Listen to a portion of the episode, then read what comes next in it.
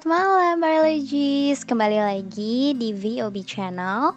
Dan kali ini kalau kembali dengan suara aku Berarti kali ini adalah episode um, bareng lagi, collab lagi dengan PK HMB 2020 Sebelumnya, buat teman-teman yang baru bergabung Aku akan memperkenalkan diri terlebih dahulu. Nama aku Vira dari Bioteknologi 2019 Aku dari PK HMB 2020 Dan di sini akan ada teman aku yang akan menjadi narasumber Silahkan memperkenalkan diri Ilham Hai, halo, assalamualaikum warahmatullahi wabarakatuh. Selamat malam teman-teman. Kenalin, nama aku Ilham Ariswandi dari Bioteknologi 2019.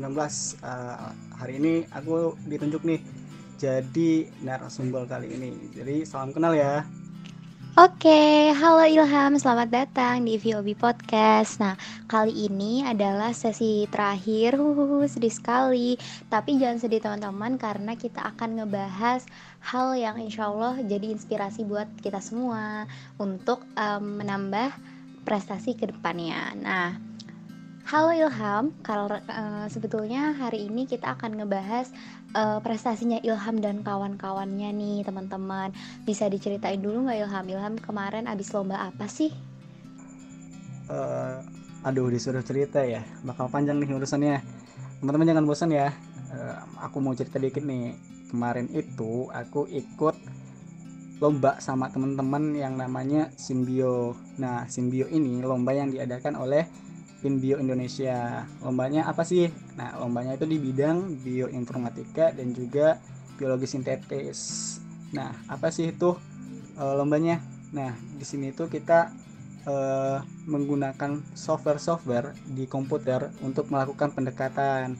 Nah, ini bukan pendekatan dengan doi loh ya. Ini pendekatan secara software dan ilmiah.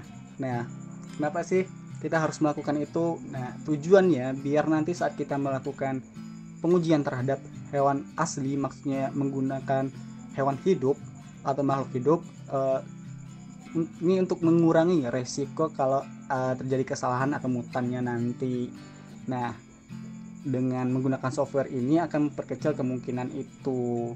Terus yang daftar uh, kata panitianya sih banyak sih katanya sampai dua apa ya 100 sampai 200-an tapi yang keterima itu yang lulus showcase itu cuma 9 tim nah alhamdulillah timku salah satunya itu Wah, sebelumnya aku mau ucapin selamat dulu ya buat Ilham dan kawan-kawan. Nah, itu tadi penjelasan uh, awalnya, teman-teman. Nah, aku mau nanya nih, Ham, ini kan uh, seperti yang aku tahu ya, ini kan berarti Ilham sama uh, lombanya itu sama teman-teman yang lain ya. Ini tuh berarti sistemnya itu individu atau tim gitu sih Ham? Weh, thank you banget nih. um, kalau sistemnya sih tim yang terdiri dari 4 sampai 5 orang. Itu tergantung kalau kita mau 5 dan lebih kompleks ya silakan, tapi kalau mau 4 dan merasa udah cukup ya silakan. Jadi dibebasin, pokoknya maksimal 5 orang gitu. Nah, berarti dalam satu tim ini terdiri dari sampai lima orang ya Ham dan teman-teman di sini kalau nanti mau ikut lomba yang bentuknya per tim gak perlu khawatir karena uh, teman-teman gak akan kerja sendirian, ibaratnya gak akan capek sendirian gitu ya. Nah, terus um, kita akan balik lagi nih ngebahas sama tema Ilham dan teman-teman yang uh, kalian bawakan di lomba tersebut. Boleh dikasih tahu Ilham uh, meneliti tentang apa sih teman-teman Ilham dan Ilham sendiri? Yap, so pasti. Kan kita tim kerja bareng dong. Teman-teman kalau mau nyari tim dari sekarang, nyiapin tim dari sekarang dan nyiapin ide dan ada udah ada ide malahan apa-apa tuh, mulai-mulai aja dicoba-coba. Terus nanti kalau ada lomba tinggal langsung gas. Ngomong-ngomong soal temanya ya, uh, timku itu ngambil eksplorasi senyawa antivenom yang dihasilkan oleh Luvaria lavariabilis atau spons laut sebagai inhibitor fosfolipase A2. Fosfolipase A2 itu apa ya? Sejenis protein atau enzim yang dihas yang terkandung dalam bisa ular.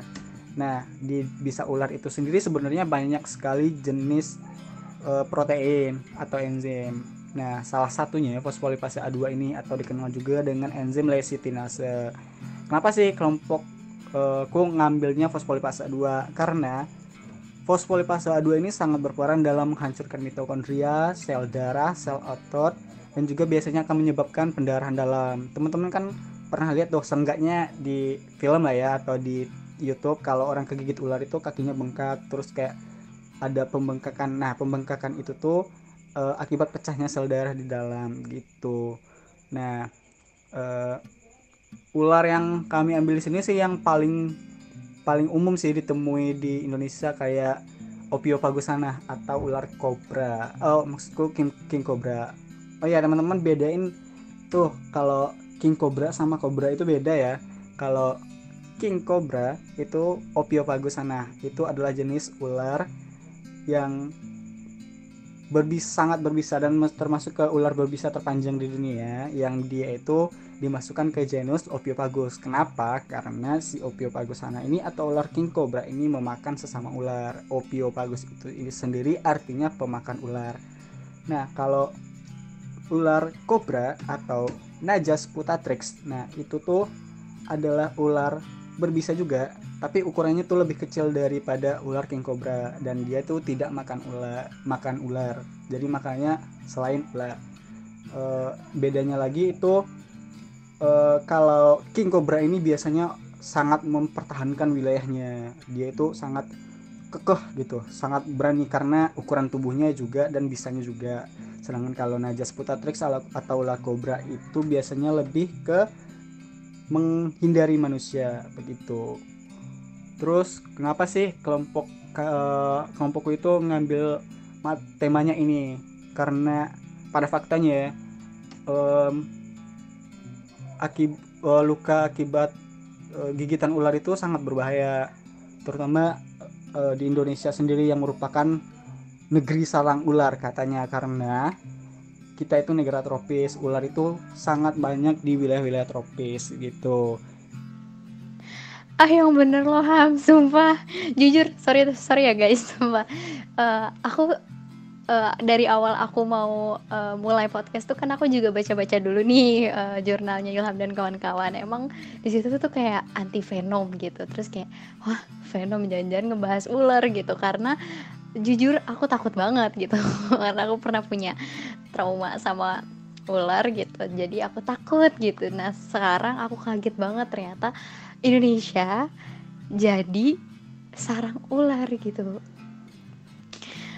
aduh aku deg-degan banget dan bener sih menurut aku uh, emang apa ya um, kita tuh melakukan penelitian gitu-gitu emang sesuai apa yang menjadi kebutuhan kita gitu. Dan di sini aku salut banget sama teman-teman Ilham dan teman-temannya karena bener-bener apa ya ini bakalan kepake banget loh gitu ke depannya. Karena kalau kita lihat uh, ini itu kan banyak kayak kasus-kasus kayak gigit terus karena penanganan di Indonesia itu kurang gitu. Jadi um, banyak juga yang kelewat gitu. Maksudnya maksudnya kelewat itu um, jadi tidak tertangani dengan baik gitu. Nah, dengan adanya penelitian ini, jadi nanti uh, akan membantu kita ke depannya. Nah, udah gitu uh, kalau boleh tahu nih Ham tujuan penelitiannya apa sih? Kayaknya ini udah seru banget sih menurut aku ya karena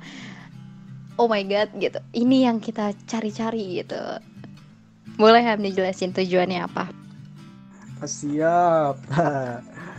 Kalau kita ini tujuan ya awalnya nih ini beneran nih tujuan awalnya itu cuma buat lomba.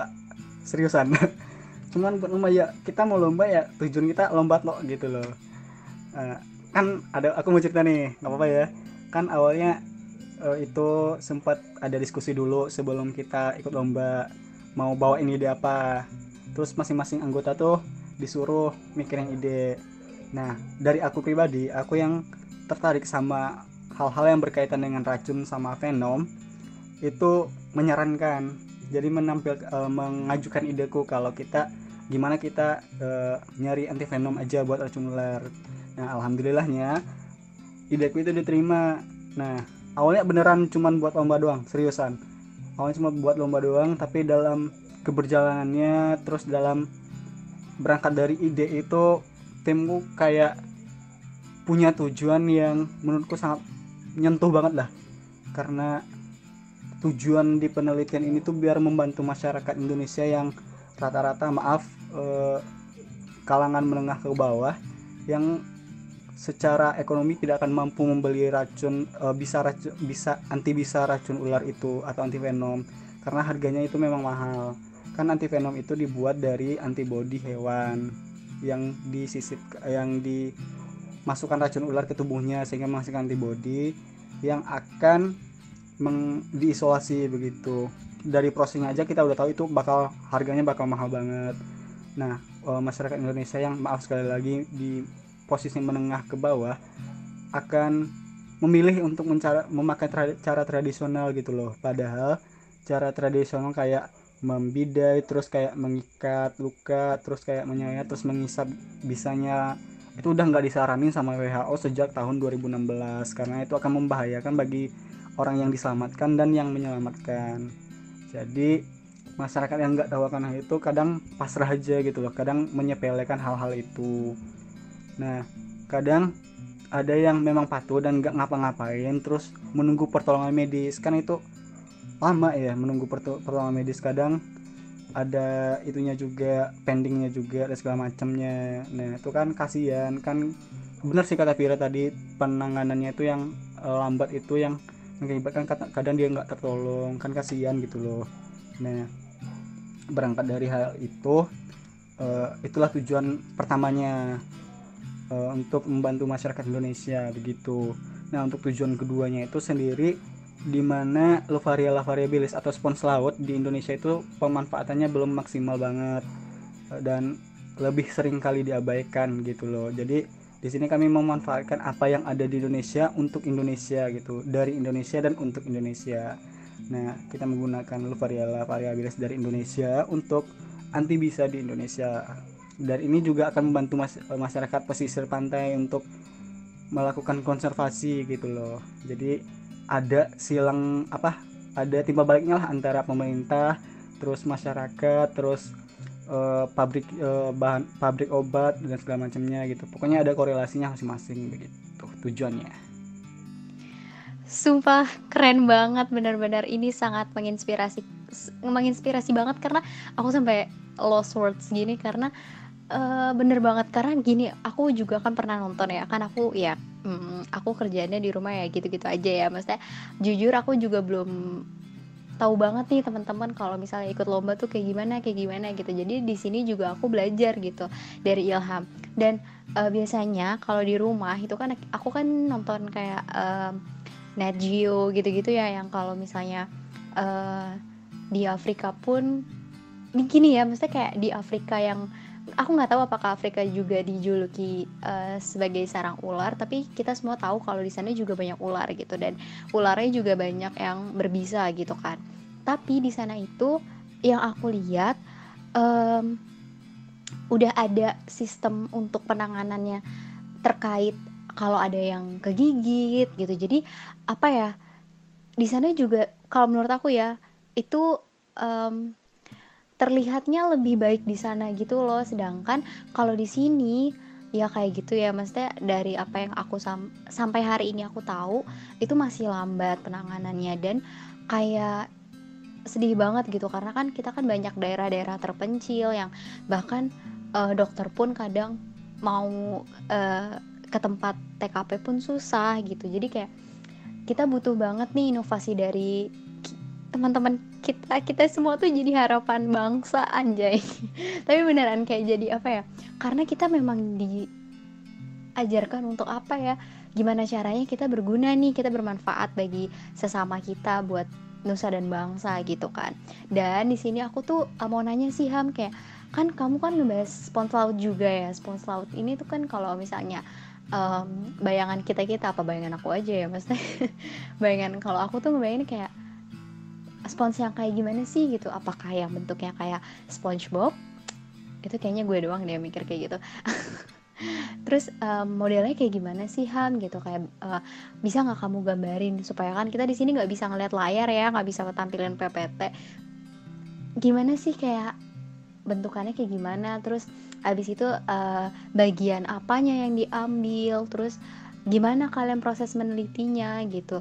Dan aku di sini mau salut juga karena bener-bener keren banget uh, idenya ini dipikirin matang-matang karena kita jadi apa ya jadi meningkatkan uh, pemanfaatan yang yang kita punya gitu di Indonesia. Jadi sangat ya ampun bener-bener ya ini tuh tanah surga banget gitu. Kayak maksudnya Indonesia tuh udah apa ya segalanya ada gitu. Jadi kita tuh tinggal gimana kita untuk uh, ayo gali lagi ayo kita semangat lagi gitu. Kayak bener-bener ini keren banget sih Ham.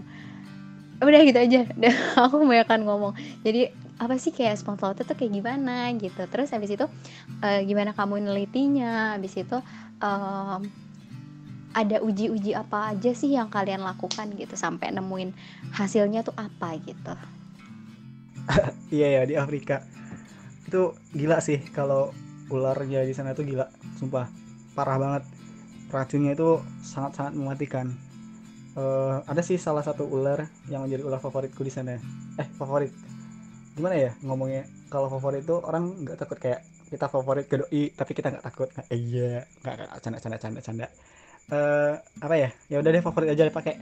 Um, uh, ular yang aku favoritin dalam tanda kutip itu uh, black mamba atau mamba hitam yang dalam mulutnya itu warna hitam.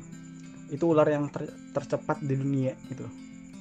Terus um, sebelum lanjut ke spons nih aku mau sampai dulu nih. Kan tadi kita bahas Ilham dan teman-teman Ilham dan teman-teman. Kayak siapa sih teman-temannya? Nah aku kenalin dulu ya teman-temanku yang setim. Di situ ada di timku itu ada Mas Dion dari Biotek 2018 ada Mas Aan dari Biologi 2018 ada Mas Farel dari Biologi 2018 juga ada Rina dari Bioteknologi 2019 dan ada aku Ilham Ariswandi dari Biotek 2019 udah kenal ya? Oke okay, kalau ngomong soal spons ya bener sih Fir uh, kamu tadi ngomongnya SpongeBob. Nggak nggak kamu dong dong yang mikirin yang kayak gitu. Aku juga sempet mikir SpongeBob itu adalah spons laut. Emang bener aku udah baca-baca artikelnya. Ternyata emang SpongeBob itu terinspirasi dari spons laut. Nah spons laut itu sebenarnya jenisnya banyak banget. Cuman uh, tim aku fokusnya ke Lufariala variabilis uh, yang merupakan salah satu jenis uh, sponsnya. Kalau teman-teman uh, pernah uh, diving uh, di laut itu kayak yang menyusun terumbu karang itu uh, adalah kumpulan dari porifera atau spons laut itu. Kan kita tuh pernah belajar di SMA yang tentang film-film uh, makhluk tingkat rendah itu uh, animalia tingkat rendah itu salah satunya porifera ini atau spons laut um, banyak sih bentuknya kalau dispesifikin sih nggak bisa juga soalnya ber, berbagai macam bentuk kan karang itu bentuknya juga berbagai macam nah kalau uh, Lovaria variabilis ini sendiri bentuknya tuh kayak apa ya nggak beraturan sih. Kadang ada yang ada yang tonjolan ada yang ada yang datar terus tonjolan lagi kayak apa ya kayak kribo gitu loh. Cuman um, ini kita nggak ngehayal ngehayal aja ya soalnya susah juga jelasinnya. Pokoknya intinya uh, dia itu adalah salah satu uh, yang menginspirasi karakter SpongeBob. Bener sih Fir. Um, kalau yang diambil dari si Lovariela itu apa kita tuh nggak ngambil semuanya. Maksudnya tuh nggak uh, seutuh-utuhnya Luvariella itu. Tapi kita ngambilnya cuman senyawa metabolit sekunder. Nah metabolit sekunder itu kayak senyawa sampingan yang itu loh. Itu diproduksi secara sampingan aja. Uh, yang diambil di situ tuh uh, enam jenis ada senyawa bioaktifnya namanya itu ada yang manualit, sekomanualit, luvarielolit, luvarielin A sama luvarielin B terus luvolit. Nah, enam senyawa ini tuh diambil dari variabel variabilis ini. Nah kan namanya kita bioinformatika ya kan kita nggak langsung penelitian ke tempatnya gitu loh. Kan kita nggak ngekstrak ngekstrak kita cuman ngambil sequence sequence-nya terus struktur molekulnya nanti kita masuk masukin ke software-software yang digunakan. Nah software yang digunakan eh, dalam penelitian aku sama timku itu ada yang namanya PyMol. Nah PyMol ini untuk ngedit ngedit molekulnya. Terus ada Pyrex yang dipakai buat docking. Docking itu kayak gabungin uh, protein target sama senyawanya. Nanti apakah bisa docking apa enggak gitu loh. Terus um, pakai PKCSM sama Tox3 ini untuk uji toksisitasnya. Nah ini tuh berbahaya nggak sih kalau kita uh, injeksikan atau masukkan ke dalam tubuh manusia gitu loh. Nah tingkatnya berbahaya gitu. Berbahaya apa enggaknya? Terus untuk apa ya? Habis itu banyak sih ada uji 5 Lipinski juga ada. Nah uji 5 Lipinski ini kita nguji uh, kita menggunakan obat ini nantinya lewat oral atau lewat mulut atau lewat suntikan atau injeksi. Nah, kalau dari kesimpulan keseluruhan sih dari penelitian ini menggunakan uh, obat ini secara oral atau ditelan. Tapi belum ada penelitian lebih lanjut soalnya kan ini masih bioinformatika. Jadi masih kayak uh, apa ya? Kayak prediksi-prediksi gitulah. Tapi semoga insyaallah semoga ini benar-benar bisa gitu loh untuk apa untuk Indonesia juga gitu.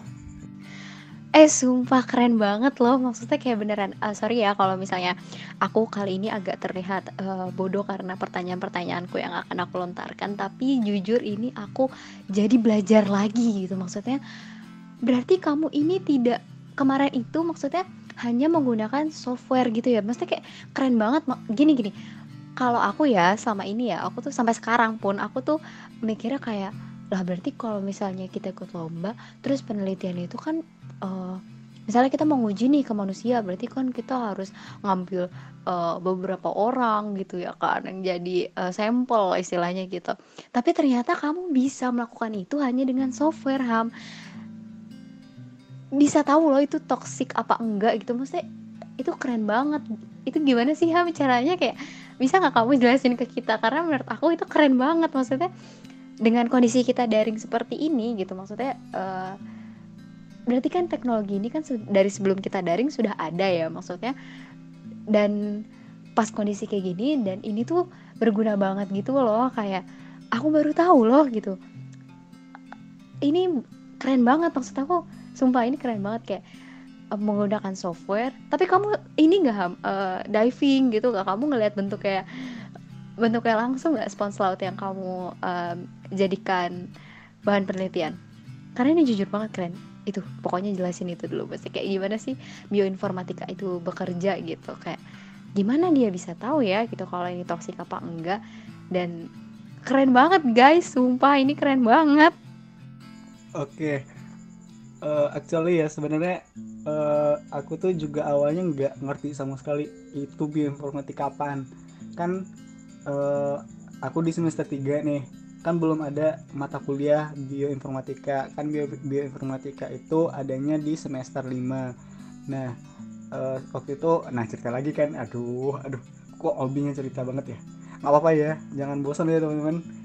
Uh, awalnya itu aku di chat sama Mas Dion.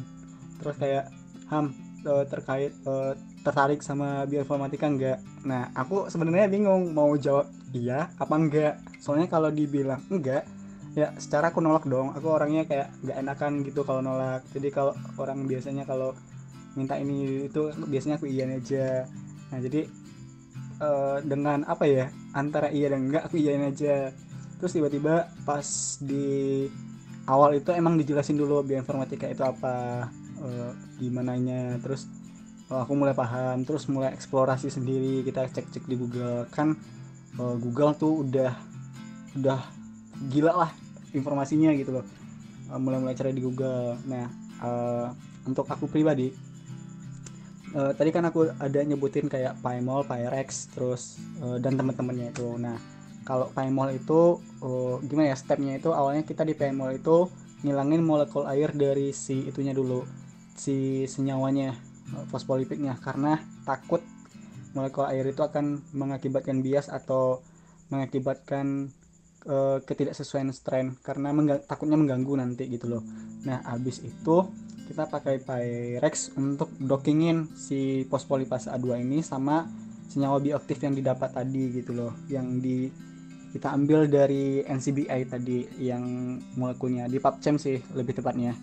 Nah nanti itu kita pakai Tox3 sama PKCSM nah Tox3 ini kebetulan uh, eh, PKCS uh, apa sih uh, Toxtree tadi Toxtree itu kebetulan uh, baru didapat itunya uh, softwarenya. Kita juga sebelumnya nggak pernah kenal yang namanya Toxtree jadi aku uh, itu dapat kebagianku bagianku untuk uh, nganalisis pakai Toxtree nah aku bingung tuh ya Allah ini kayak kok bisa gini kok bisa gini caranya gimana? Terus bingung sendiri kan. Nah ternyata setelah berminggu-minggu mencoba ternyata caranya tuh simpel banget. Kita cuman masukin file terus pilih decision tree atau uh, pohon keputusannya terus nanti di estimate nah ntar keluar. Ternyata gampang banget serius. Udah mati-matian belajar ternyata aduh gampang banget ternyata. Terus abis itu uh, kalau analisis Lipinski sih itu sama Mas Farel atau Mas Dian kalau nggak salah yang ngerjain. Itu tuh kayak uh, nguji dari lima hukum itu uh, pasnya itu kenanya itu di mana gitu. Terus PKCSM itu yang ngerjain Rina kalau nggak salah ya. Uh, itu sama juga sama Toxtree cuman uh, kita pakai dua software ini biar lebih uh, lebih afdol gitu loh istilahnya. Afdol dong iya. Lebih afdol itunya hasilnya gitu. Terus uh, pertanyaan Vira tadi yang terakhir mm, aku nggak nggak diving. Actually aku nggak bisa berenang maaf aduh ya Allah. Uh, ya yeah, aku nggak bisa berenang. Jadi nggak diving. Jadi semua ini semua penelitian ini semua uh, kegiatan lomba ini dilakukan dengan software aja. Dengan sumber-sumber informasi utamanya itu di NCBI atau uh, sumbernya bioteknologi nah di NCBI ini kita bisa melakukan berbagai macam hal. Aduh kok kayak endorse gak gak gak santuy. Ini nggak disponsori sama NCBI santuy. Uh, NCBI ini tuh uh, banyak sih kita bisa lakukan. Kita bisa ngambil strand di uh, eh, NCBI ini. Kita juga bisa ngambil molekul di PubChem-nya kita juga ngeblast bisa untuk nyari kekerabatannya gitu sih. Jadi uh, aku nggak diving uh, tapi cuman diving di internet. Iya. Oke. Okay. this is very interesting guys. Bener-bener keren banget gitu. Dan oh ya sebelumnya aku mau ucapin selamat juga buat teman-temannya Ilham di tim ini. Halo Mas Dion Mas Aan Mas Farel dan Rina ya. Selamat ya keren banget. Jadi kayak wow.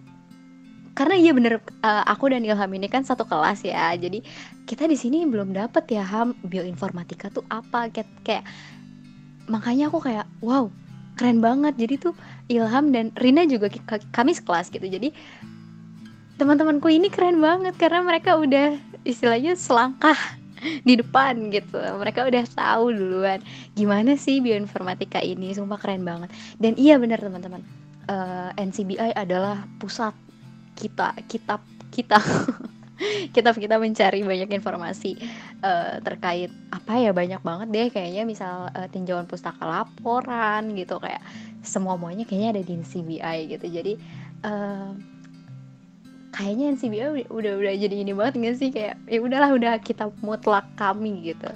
Dan mm, keren banget jujur ini aku bener-bener kayak ah iya ya gitu kayak tercerahkan gitu ke mana aja gue selama ini gitu. Apakah gue cuma rebahan? gitu.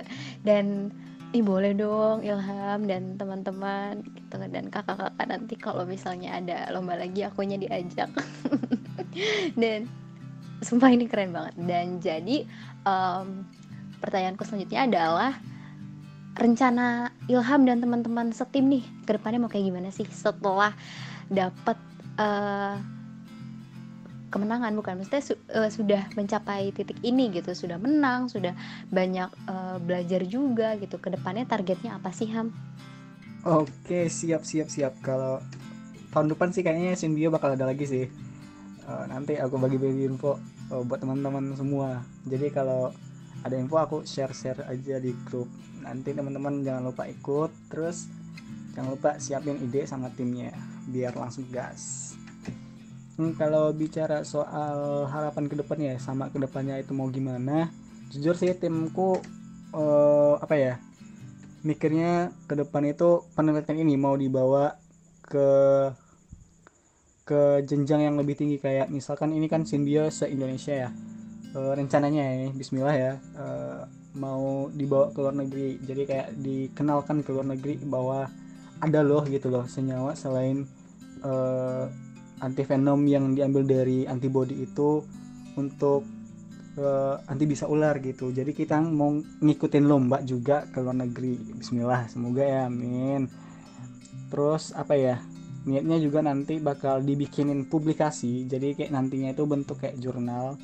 Nah uh, nantinya yang nantinya akan membantu peneliti-peneliti lain untuk mengembangkan ide ini supaya uh, apa bukan hanya dari Luvaria variabilis uh, diharapkan nanti juga dari tumbuhan-tumbuhan lain dari mikroba apalagi uh, penggunaan untuk antivenom ini. Semoga nantinya penelitian ini berguna untuk masyarakat banyak nggak hanya di Indonesia juga masyarakat dunia dan juga uh, ini juga kita membawa nama departemen biologi membawa FSM membawa uh, undip keluar gitu loh semoga ini bisa mengharumkan nama undip dan juga uh, membantu semua orang yang ada di dunia untuk mengatasi masalah gigitan racun ular ini gitu.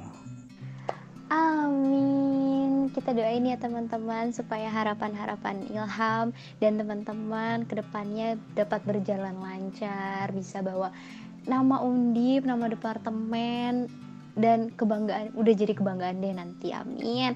Dan buat teman-teman, pokoknya ada nggak sih ham uh, platform buat kita stay tune kalau misalnya ada info-info terkait lomba yang kayak gini tuh uh, kita bisa cek di mana sih kira-kira oke untuk platform sih aku juga nggak apa ya nggak tahu pasti semuanya cuman kalau khusus bioinformatika saranku coba teman-teman cek IG-nya inbio underscore Indonesia sama simbio.id yang aku ikutin kemarin Nah itu tuh pusat layanan bioinformatika di Indonesia. Jadi teman-teman kalau yang tertarik sama bioinformatika mau lihat-lihat bioinformatika, itu gimana bisa cek di IG-nya.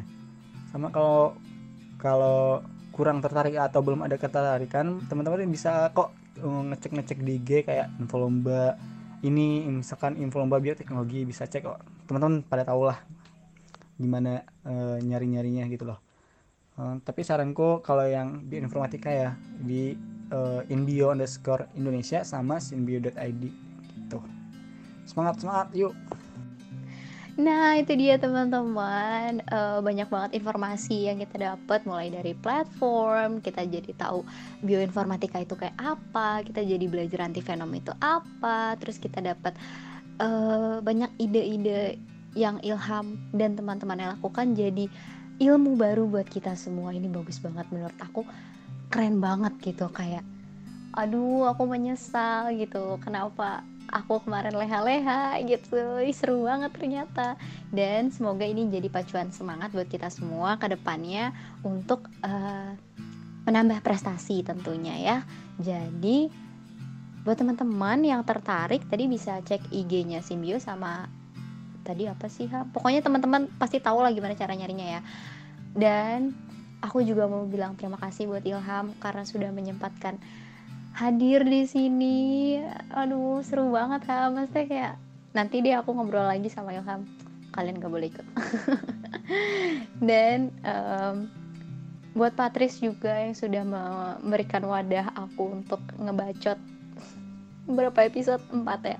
Empat episode di sini karena aku senang sekali untuk uh, apa ya? Ini I love this job so much. Jadi kayak ini adalah kesempatanku gitu.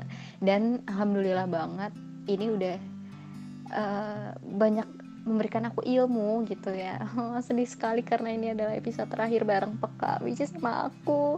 Dan semoga nanti uh, teman-teman bisa stay tune di biogen yang uh, desain grafis gitu. Dari aku kayaknya penutupnya itu dulu. Untuk Ilham adakah kesan dan pesan atau uh, saran buat kita semua buat adik-adiknya? Silahkan. Oke okay, thank you. Thank you banget udah diundang ke sini nih. Jadi aku bisa berbagi ilmu terus bisa speak up speak up ya pengalaman pertama nih aku ngomong di podcast. Aduh biasanya cuma dengerin doang. Jadi ah senang banget lah gitu dan senang banget juga bisa berbagi ilmu sama teman-teman. Semoga ilmu ini bisa bermanfaat dan dapat teman-teman kembangin ke depannya nanti. Terus nanti uh, semoga lahir saintis-saintis muda yang berguna bukan hanya bagi nusa dan bangsa tapi juga dunia. Uh, dari aku mungkin uh, pesan buat teman-teman sih teman-teman jangan takut untuk memulai karena segala sesuatu itu dimulai dari nol. Kalau nggak ada nol angka-angka yang lain itu akan tidak ada akan kesulitan juga karena hanya angka 1 sampai 9 tidak akan berarti apa-apa tanpa angka nol. Terus kalau teman-teman merasa gagal yakinlah teman-teman karena hidup ini bukan tentang seberapa sering kita jatuh tapi seberapa sering kita bangun setelah kita jatuh itu jadi tetap semangat keep going. Terus jaga-jaga idenya kembang-kembangkan lagi idenya. Semoga kita nanti bisa ketemu di FSM bisa diskusi bareng terkait riset dan bioinformatika. Thank you. Yeay, ya ampun ini seneng banget aku. Kayaknya si Ilham sambil ngelaprak tuh Soalnya ada cetek-cetek laptop.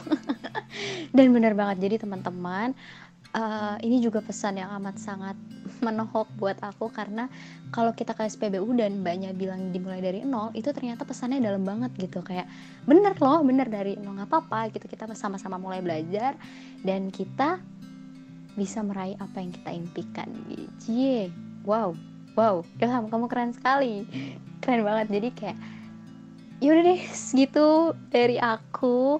Oke kita penutupan ya. Oke ini udah udah udah udah udah oke oke kita penutupan sekian dari aku dan Ilham kalau misalnya kami ada salah-salah kata mohon dimaafkan kalau misalnya ada kritik bisa langsung sampaikan yang baik-baik bisa diambil dari uh, buat teman-teman gitu jadi, sekian dari kami. Aku juga mewakili Patris. Di sini kami pamit undur diri. Sedih sekali. Oke, drama drama queen banget gue. Uh, kita pamit undur diri sampai jumpa di kesempatan lainnya. VOB mengudara. Aduh sedih sekali. See you teman-teman, tetap semangat.